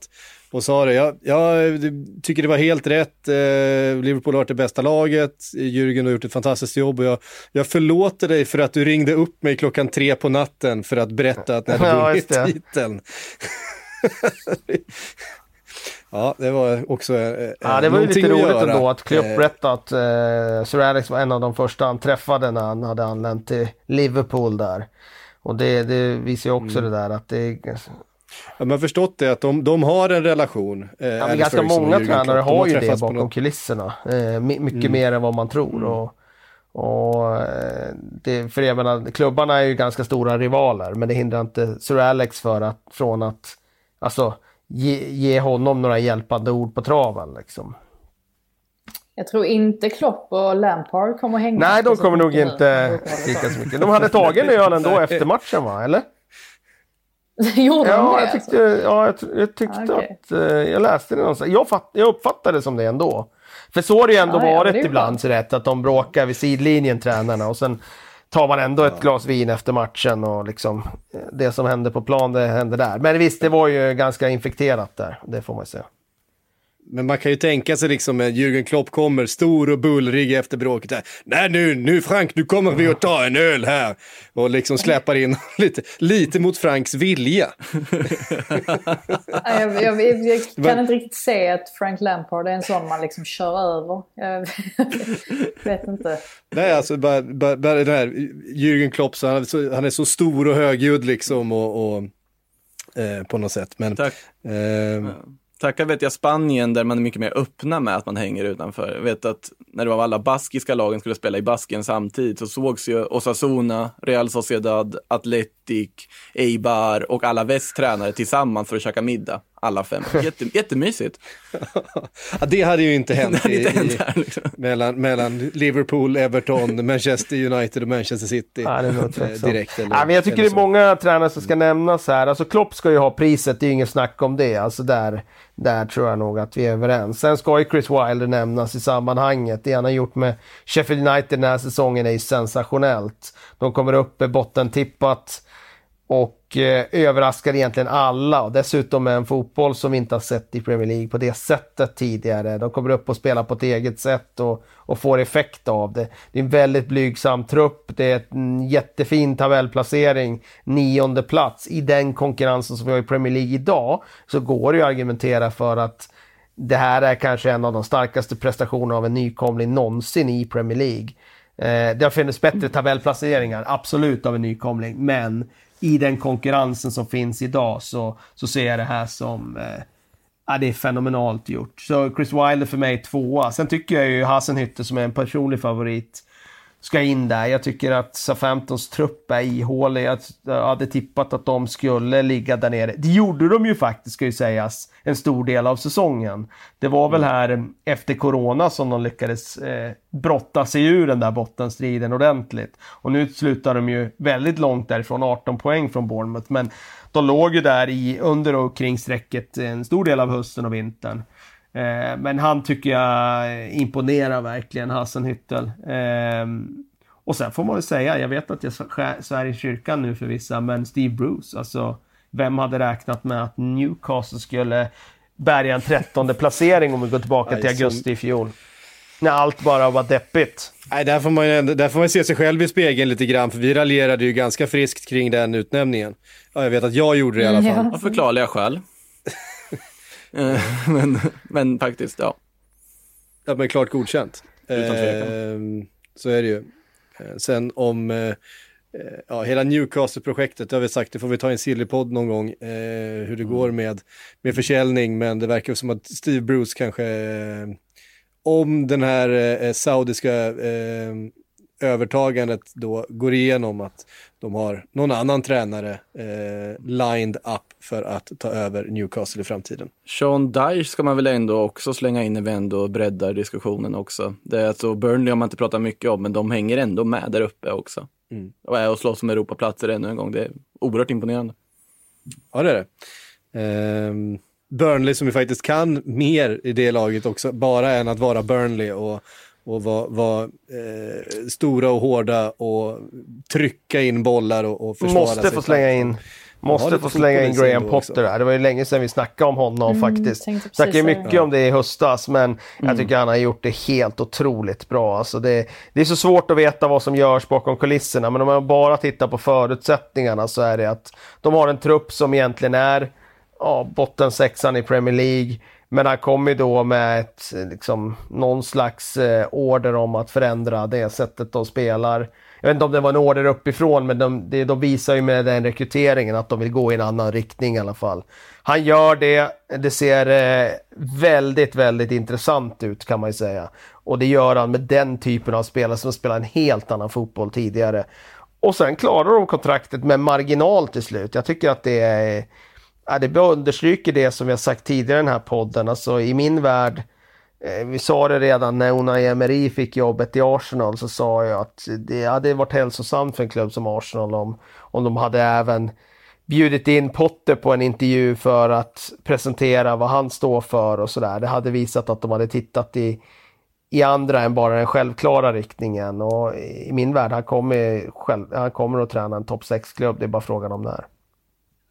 Det var det jag menade innan också när jag nämnde Adam Lallana. Eh, för jag känner just det att Brighton kommer vi säkert prata ännu mer om nästa säsong. Eh, för att som sagt Graham Potter har verkligen tagit klubben i rätt riktning. Och just det där att man värvar spelare som Eh, alltså med eftertanke, alltså man behöver någon där på mittfältet som, som har lite, alltså mer rutin eh, än vad de här lite yngre spelarna har som behöver någon att se upp till. Så plockar man in Lallana då, det är ju kanon. Eh, man värvade Lemti från Chelsea i januari, det är inte ofta det händer. Eh, så att jag, ja, det känns verkligen som att de är på rätt väg. Så jag håller med om det, vi får hålla, eller vi kommer säkert prata mer om honom nästa säsong. Man vill ju ha möjlighet att skrika Seagulls spontant liksom då och då också nästa säsong. Så det känns att man hoppas på det också. Det är ett fantastiskt Ja. smeknamn tycker Ja, nej men alltså, och, och, och, och han har ju en personlighet som är så lätt att ställa sig bakom och en filosofi som är så lätt att tycka om. Eh, att man vill ju verkligen att det ska gå bra för, för Graham Potter vart han än är. Eh, vilka sympa sympatisier man än har. Eh, så är det ju. Så att det ska bli... Och sen hoppas jag också på just eh, Adam Lallana. Eh, man hoppas ju, ett att han ska få vara skadefri, han har varit väldigt, väldigt skadedrabbad senaste åren. Eh, och om han får vara skadefri, att han med det ansvaret han kommer ha där kan hitta tillbaka till en sån roll som han hade i Southampton före han kom till Liverpool, där han var ju så så otroligt central för det anfallsspelet och det sättet de spelade på. Det är ju någonting som Brighton och, och Potter i sin fotbollsfilosofi hade haft så, såklart det de hoppas på också. Där var han ju en av ligans bästa spelare den säsongen. Och om Adam Lallana kan få ha den rollen i ett, i ett, ett sånt lag och hitta tillbaka sin sån form, då är det ju en, då är det ju en magisk värvning för, för inga pengar. I den otroligt snygga dräkten de ska ha nästa säsong också. Den han presenterades i.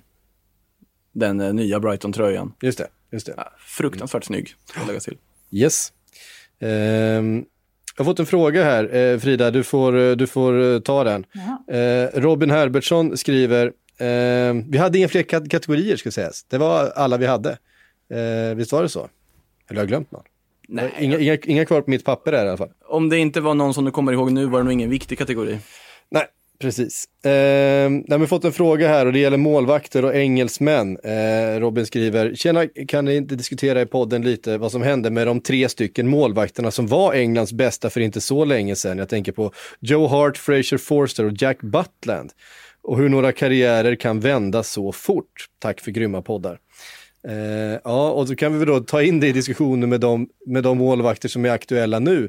Och att det är eh, framförallt kanske Henderson och Ramsdale som eh, ändå bjuder på visst framtidshopp, Frida. Ja, nej, men så är det ju absolut. Um, det ska bli väldigt intressant att se här, alltså dels under året men framförallt nästa sommar vilka tre landslagsmålvakter som England eller som Gareth Southgate kommer att bestämma sig för.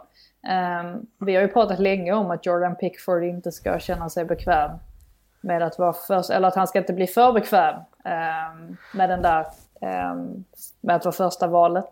Eh, och det får man ju skriva under på. eh, framförallt nu när Dean Henderson kommer så starkt. Ehm, så att, äh, ja, ja vad, vad var frågan? Ja, frågan, frågan var väl egentligen, han ville egentligen ha en diskussion om, om eh, hur, hur, hur det kunde gå som det gick. Eh, med tanke på att ingen av de tre spelarna som ju faktiskt var de tre för bara några år sedan eh, som eh, ansågs vara de tre bästa engelska eh, målvakterna idag eh, inte överhuvudtaget finns med i, i, i diskussionerna. De var eh, väl inte kring så det. bra. Nej, men det ligger nog något i det. Alltså de, det är ju väldigt vanligt med målvakter att man hypar dem väldigt mycket, särskilt i England där du har haft en, någon brist på riktigt stabil sista utpost sen David Siemens dagar. Eh, att det går ju också i perioder, det är en färskvara dessutom och de här var väl kanske inte så pass bra som alla hypar kring. Och vi får väl se nu, det är väl upp till bevis för spelare som Henderson och Ramsdale att inte hamna i samma kategori inom x antal år också. Mm. Precis. Eh, Simon Karlsson har skickat in en, en eh, till kategori här, Årets utveckling slash Most Improved Player of the Year. Eh, är det någon som har någon på rak arm som ni känner har? Men är inte det samma sak som genombrott då? Nej, då får det vara någon som, som vi kanske har skällt på. Jag vill minnas att vi hade en sån här diskussion om precis. Fred det var, det, till det var exempel. honom jag tänkte på faktiskt nu.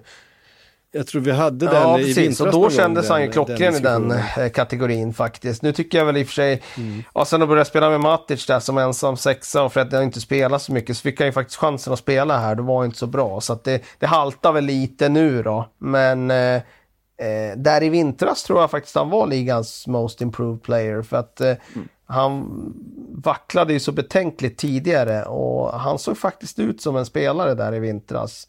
Och allt det där som man tidigare hade tvekat på, liksom hans beslutsfattande med boll och sådär, det, det, det hade eh, förbättrats avsevärt där. Så att, eh, jag skulle säga Fred, eh, Fred är ett bra eh, exempel på det.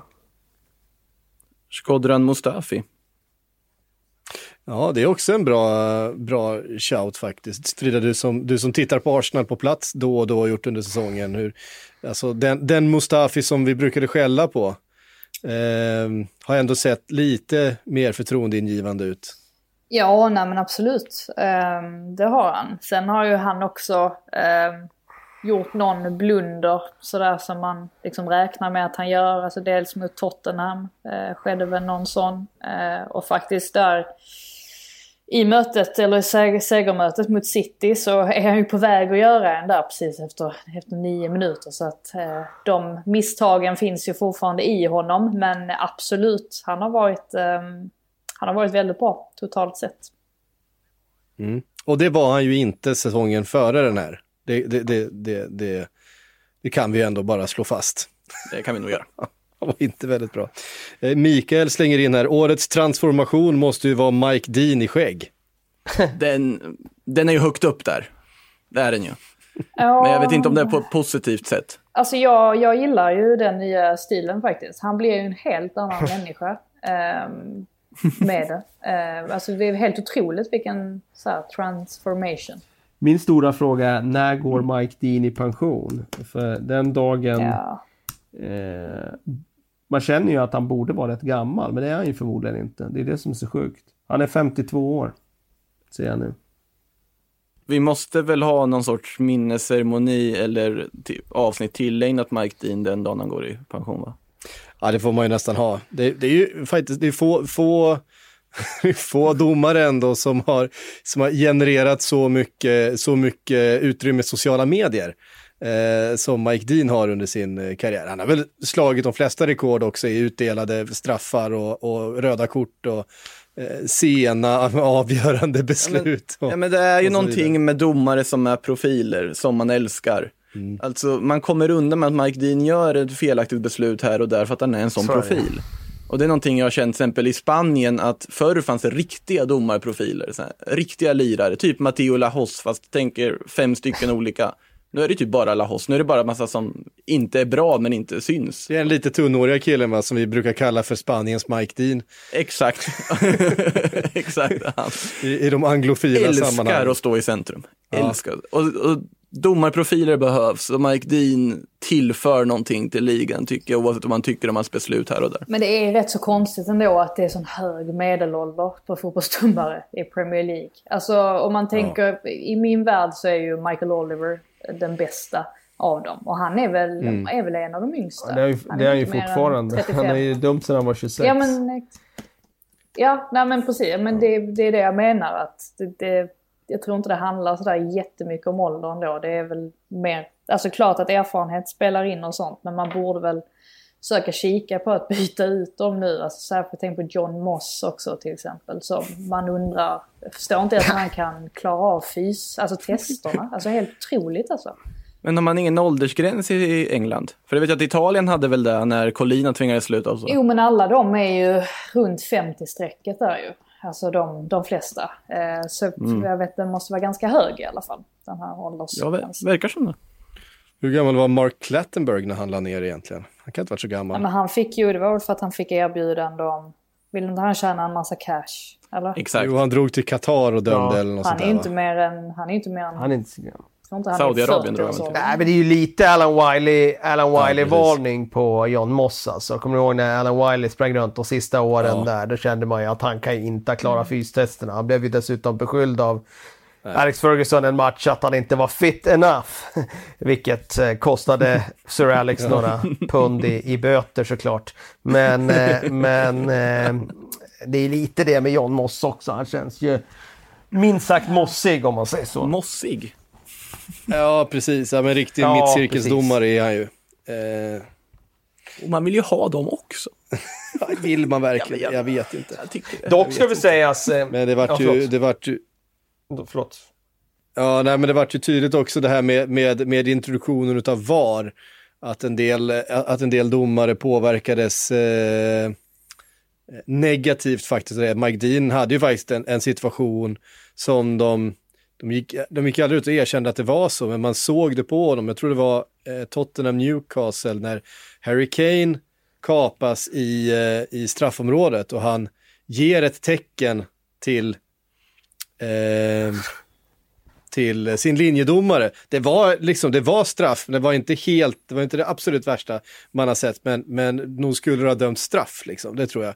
Eh, och han var så till linjedomaren, men jag väntar på att se vad de säger i örat. Vilket inte är så de, ska, vilket är, de inte får göra, utan de ska fatta ett beslut och sen ska VAR antingen, eh, om det är helt fel så ska de gå in och ändra det. Är det lite fel Så låter de det vara. Nu lät han det vara och väntade på att de skulle säga något i örat, vilket ingen gjorde därför att det inte är så det funkar. Och helt plötsligt så, på grund av att Mike Dean då eh, helt enkelt använder systemet på fel sätt, eventuellt missade en straff. Mike Dean känns som en sån där som skulle få problem att koppla upp sändningen till en Chromecast eller vad det är ifall eh, de skulle flytta Premier League-sändningarna och bara gå på liksom stream som vi gör i allsvenskan här med Dplay. Liksom. Mike Dean känns som en av dem skulle ha stora bekymmer med att få in matchen på tvn. Ja, precis. Det, var ändå ganska, det var ändå ganska underhållande av FA att de lät Mike Dean döma Merseyside-derbyt direkt efter coronauppehållet. Alltså. Jag blev ganska förvånad när man bara Alltså- såg hans namn dyka upp där. Alltså, killen som är från Liverpool, liksom, som då håller på det tredje laget. Ja, det är helt sjukt. Dock ska vi säga, att, eh, Ehm. för att komma bort från den här domardiskussionen, eh, att han, har ju faktiskt inte det mest virala ögonblicket den här säsongen. I min värld är ju det José Mourinho som studsar upp på bänken när han blir uppmärksammad om att det kanske var ett domarmisstag. Eh, Jag älskar det. Ja, det, Ja. det, för mig är Ja, det, det- det är säsongens inte bara det mest virala. ögonblick. Årets det är ögonblick. absolut roligaste Årets ögonblick i den här säsongen. Alltså, jag älskar att se de där bilderna. Alltså. Utan tvekan. Ja, utan tvekan. Och det är därför man ändå någonstans behöver ha José Mourinho i ligan. Han tillför så mycket. Vet ni vad, det var eh, allt vi hann den här säsongen, säsongen 1920, eh, Sportbladets Premier League-podd. Det har varit eh, en, eh, en ynnest att få ta er eh, hela vägen genom den här säsongen.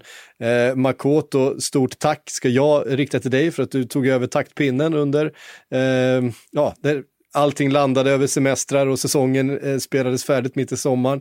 Eh, tack Frida, tack Kalle för att ni har varit med hela vägen från era nya hemadresser. Eh, det har ändå funkat bra tycker jag. Eh, och eh, tack såklart till alla som har lyssnat. Det är inte så långt kvar tills nästa säsong drar igång igen. Vi, eh, vi börjar väl eh, blåsa liv i den här maskinen någon gång i, i början på september igen. Eh, och så har vi en helt ny, färsk, ja, eh, lite annorlunda säsong eh, att eh, se fram emot. Jag tror du ska säga en ny färsk poddstudio. Och en ny färsk poddstudio ska vi förhoppningsvis också ha. för Nu, nu, nu är det lite stökigt. Det är det. Eh, eh, som det är just nu. Vi fortsätter såklart eh, med Sillypodden hela sommaren eh, fram till dess. Men från eh, Sportbladets Premier League-podd så ber vi om på återhörande helt enkelt.